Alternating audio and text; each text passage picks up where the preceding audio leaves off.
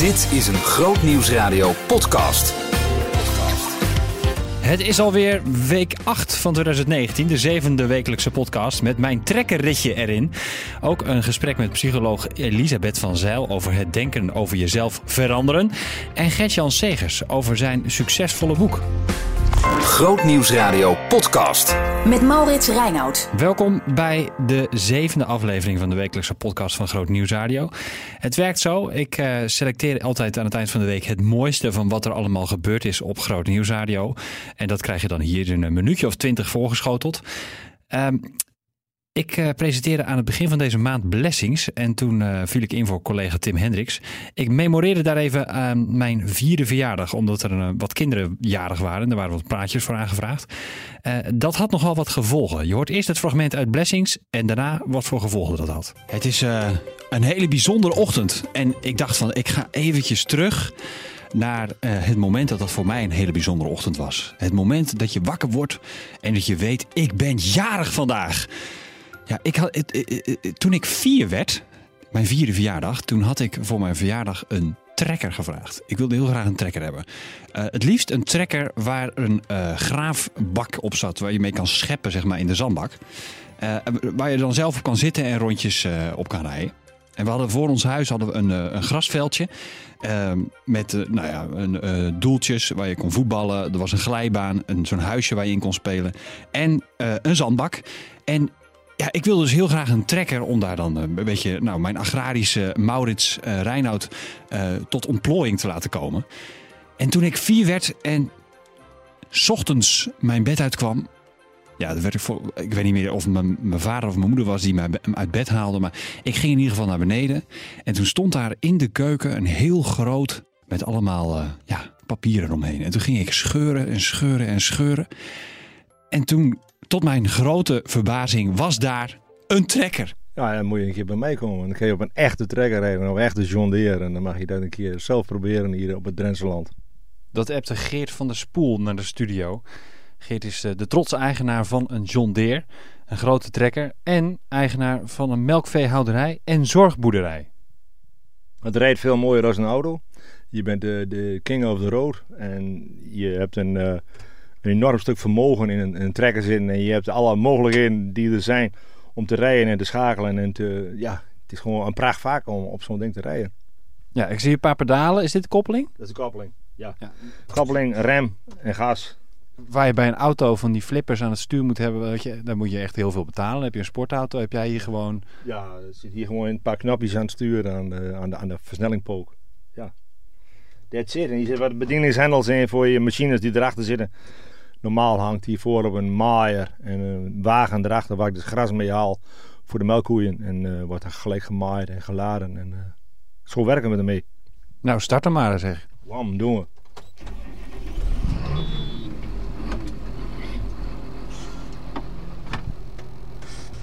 En dan druk je maar door en dan ga je op snelheid. En je zit zo op 45 kilometer. En je hebt 140 pk onder je, onder je kont en dat is gewoon heerlijk dat gevoel. Geweldig, dit is, uh, en dat geluid, wauw. live man, real life. dat is toch geweldig dit. We gaan het land even op. Je kan niks misgaan, het is gewoon... Uh, land waar dit jaar aardappels in komen. Dus uh, hier mag jij dadelijk ook even proberen. Heeft er zin in? Nou, laten we dat maar doen. Laten we hem even wisselen. Oké, okay. De politie zou me meteen aan de kant zetten. Want ik heb in één hand een microfoon. Jou even vast. Dat is goed. Ja. Dan zet die maar in de versnelling met de koppeling in trappen. En dan trap je het gas maar in en je kunt schakelen als je wilt uh, met een knappie. Ik voel bijna niks zo. Ik... Druk maar door, nog een keer. En nog een keer. Zie je wel? Ah. En het stuurt zo licht als, het, uh, als een veertje. Zo, dit gaat lekker, hè? ik snap kom je jeugd weer tegen, hè? Ik snap wel dat je dit leuk vindt, zeg. En voordat jij die voorbeeldjes net zo hebt als jouw fietsie vroeger, dat duurde heel lang, hoor. ja, dat, dat zal wel, ja. Ja. Ah, dit is lekker, zeg. Ja, het is lekker Fantastisch. Maar het lijkt me dan wel heel lastig om dan met een enorm gevaarte hier achter te rijden nog. Ja, maar ik denk dat de ervaring, ik bedoel, ik, ik, je bent jong en je begint al op zo'n ding. Je weet niet anders als uh, rijden maar en het gaat altijd goed. Ja. Altijd goed. Je, bent- je bent er mee opgegroeid, jongen. Dat, is, eh, dat zit in je genen en je weet precies hoe je rijden moet. En heb je, heb je nou wel eens iets te drinken bij je als je dan op de trekker zit? Ja, zeker heb ik dat. Hier zit een apart bakje in. En dat wordt gekoeld met de airco. Oh, We zijn echt, een, joh? Een, een blikje eh fris drinken in Je hebt gewoon een airco. Daar zit, is een airco op. Het is gewoon een koelkast eigenlijk. Ja, een koelkast. Mooi hoor. Hey, en jij, jij luistert ook nog eens naar Groot Nieuwsradio in je trekker. Ja. Zo'n DAB-ontvangertje. Ja, ja, ja, ja. En dat betekent heel veel voordeel. Even een reclameblokje.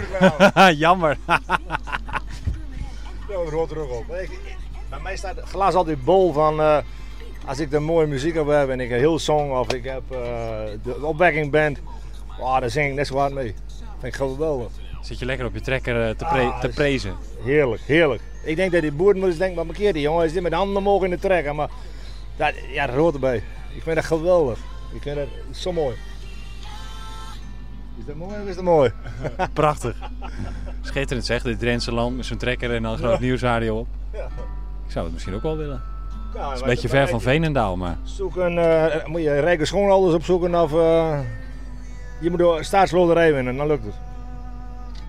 Ja, die schoonouders die heb ik al. En die staatsloterij doe ik nooit aan mee. Ja, nou dan je gelijk. En blij, ik heb beter een hele lieve vrouw hebben en een goede relatie hebben als heel veel geld en problemen. Dus eh, Zo is het ook. ja, Dat was mijn eh, trekkerritje bij eh, Boer Geert in Drenthe. Ehm, en eh, ja, mooi, mooi hoe dat kan gaan. Dat je eerst wat noemt op de radio. En dat je dan vervolgens in Drenthe zit om op een trekker te rijden. Ik had ook nog een heel mooi interview met Geert over waarom hij een zorgboerderij heeft. Dat was allemaal te horen in Mens en Missie vrijdagochtend. Grootnieuwsradio podcast. Met Maurits Reinoud. Misschien herken je dat wel. Dat je gedachten hebt over jezelf die je eigenlijk helemaal niet zou willen hebben. Hoe ga je daar dan mee om? Daarover had Jorike een gesprek in haar programma Bij Jorike met eh, psycholoog Elisabeth van Zeil. zelfveroordeling is wel een enorm issue als het gaat om veranderen of moeten veranderen of willen veranderen. Ehm, en, en waar wat heel hardnekkig is om, om, dat, om dat los te laten. Om, om, wil, ja, dat is natuurlijk wel gelijk weer een heel, heel groot punt.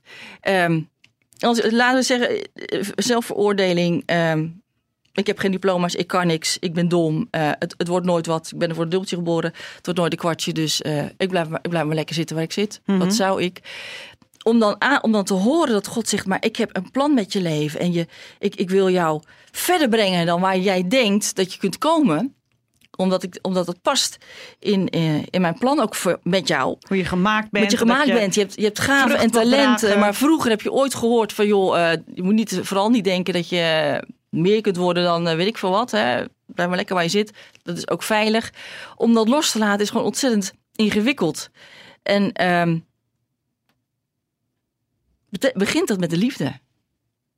Met liefde voor jezelf. Met liefde voor waar je bent, ook waar je bent. Met de liefde voor de mensen om je heen. Met tegen jezelf te kunnen zeggen: Ik ben oké, omdat God zegt: Ik zie jou. Door de, mijn liefdesbril, door het offer van Jezus, ben jij mijn geliefde kind.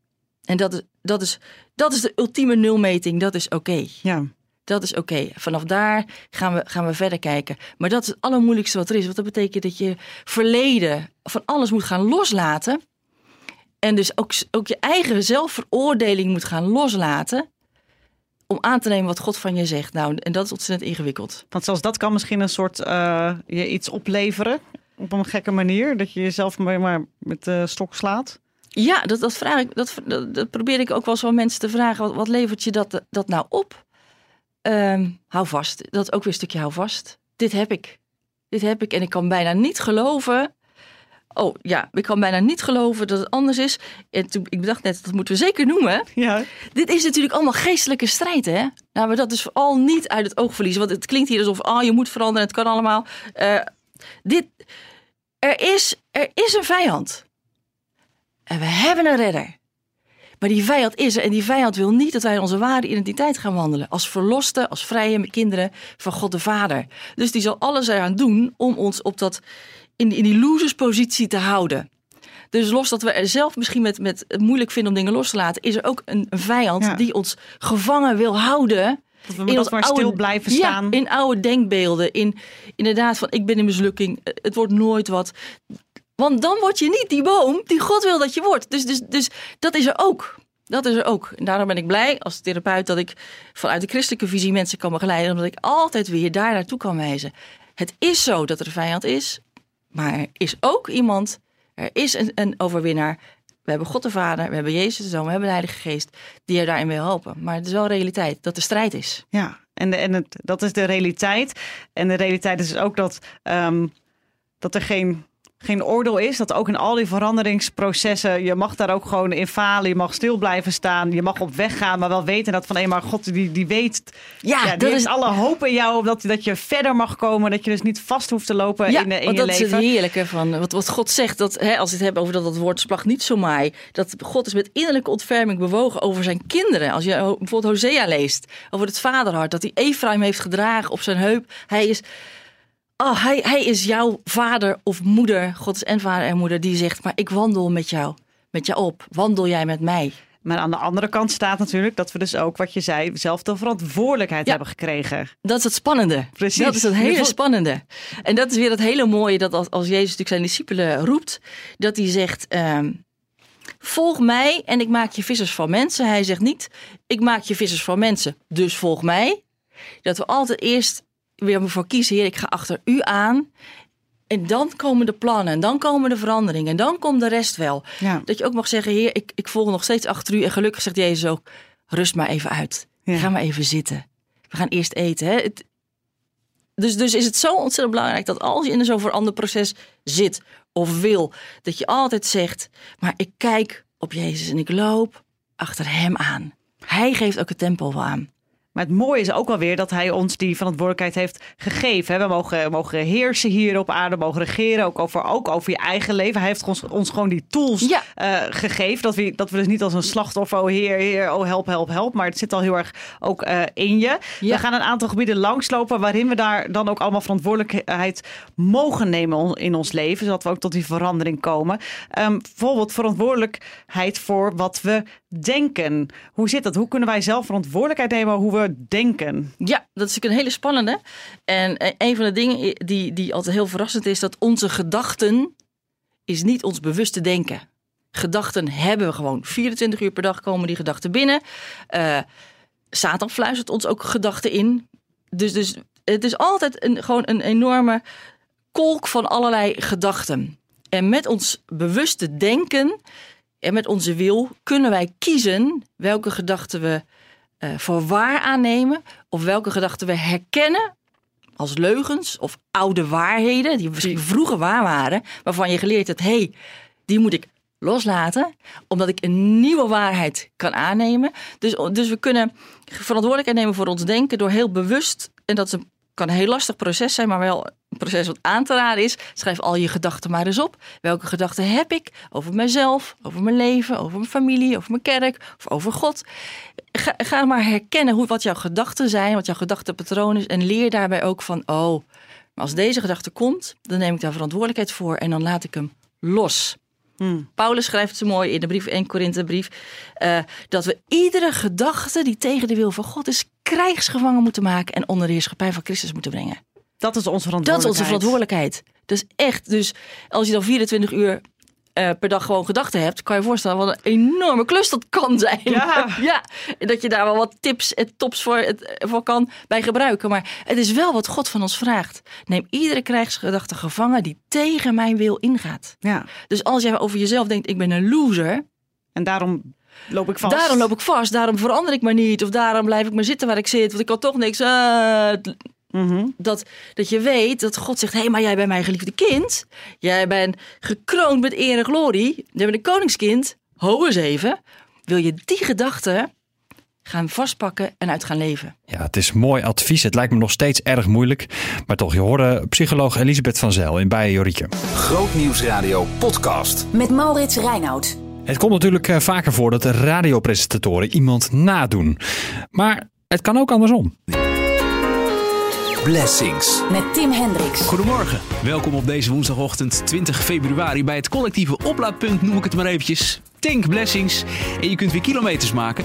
Een blessing dat is een verzoekplaat hè, die je aanvraagt in combinatie met een persoonlijke boodschap. Maar eh Stef, dat hoef ik jou natuurlijk niet te vertellen. Hoef ik jou niet uit te leggen, toch? Nee. Nee. Stef Kaptein, 10 jaar trouwluisteraar van Groot Nieuws Radio. Eh, Stef, jij luistert veel Groot Nieuws Radio. Hoeveel? Mhm. Nou, bijna wel elke dag als ik wakker word. Bijna En elke ook dag. wel in de avond en soms in de middag ook wel. Jongen, jongen. Hey, en het schijnt ook, Stef, dat jij alle...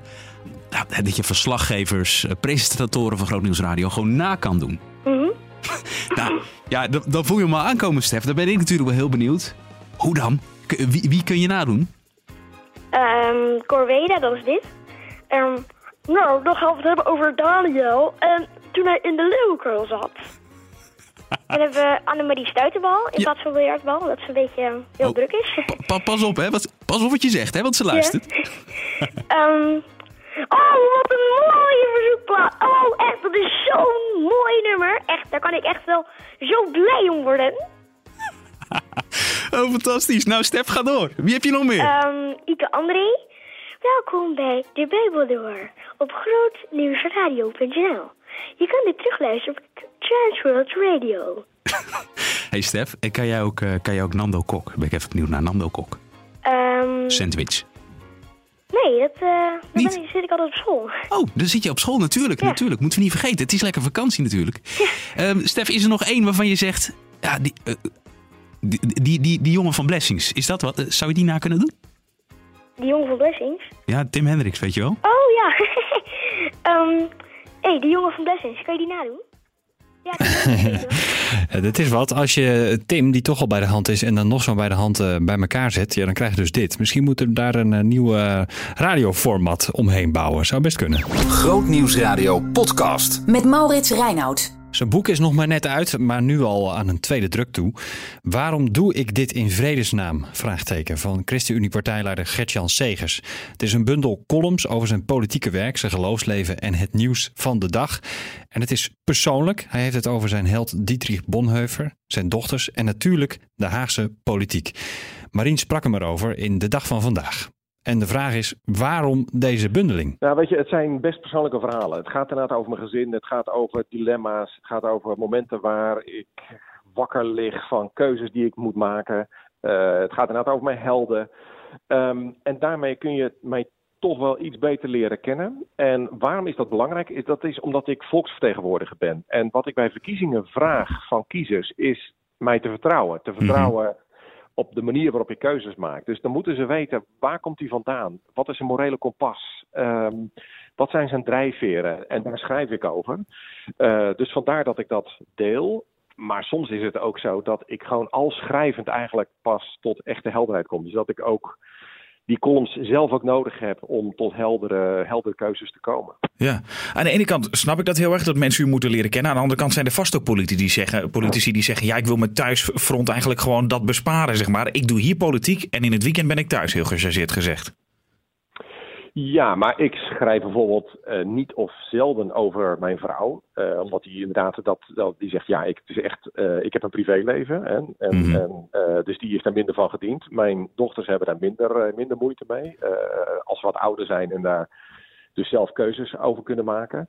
Dus ik heb bijvoorbeeld een column geschreven over dat wat ik voelde toen mijn oudste dochter Anne, toen die het huis uitging. Ja. Ging studeren in Leiden. En nou, dat vond ik zo lastig. Ik zat te kijken naar die schommel waar ze op zat en die niet meer heen en weer ging. En ik zat Mhm. te kijken naar de rolschaats die ergens in de hoek lagen van de garage. En ehm, eh, ja, waar ik, waar ik eh, ja, die eh, onaangeroerd daar, daar lagen. En ik wist van die tijd is voorbij dat ze hier Ja. thuis was en dat ze om mij heen hing. En een, een meisje is nu een vrouw geworden. Ja. Ehm, ja, dus dat, daarmee komt het echte leven dichtbij. Maar ik probeer dan ook te beschrijven wat ik dan voel. Dus het is voor mij dan ook wel echt wel een expressie op zo'n moment van... en wat voel ik nou?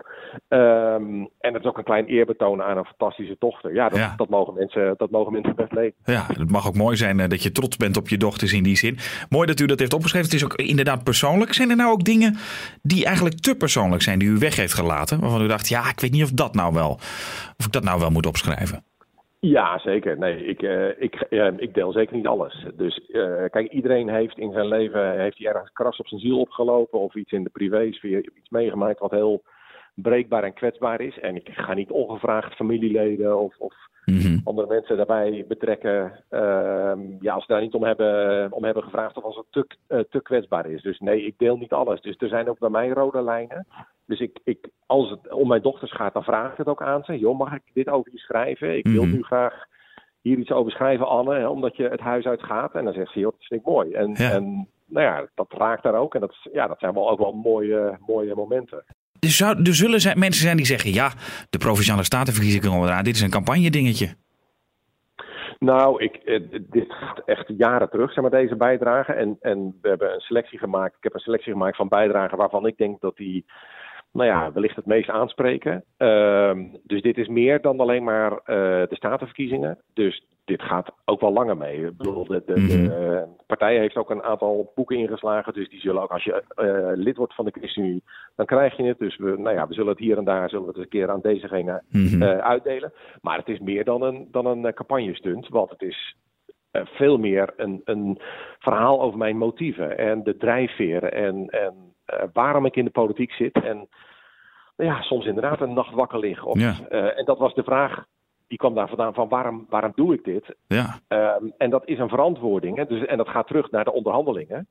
Ehm, waarbij ik mezelf die vraag stelde: waarom doe ik dit in vredesnaam?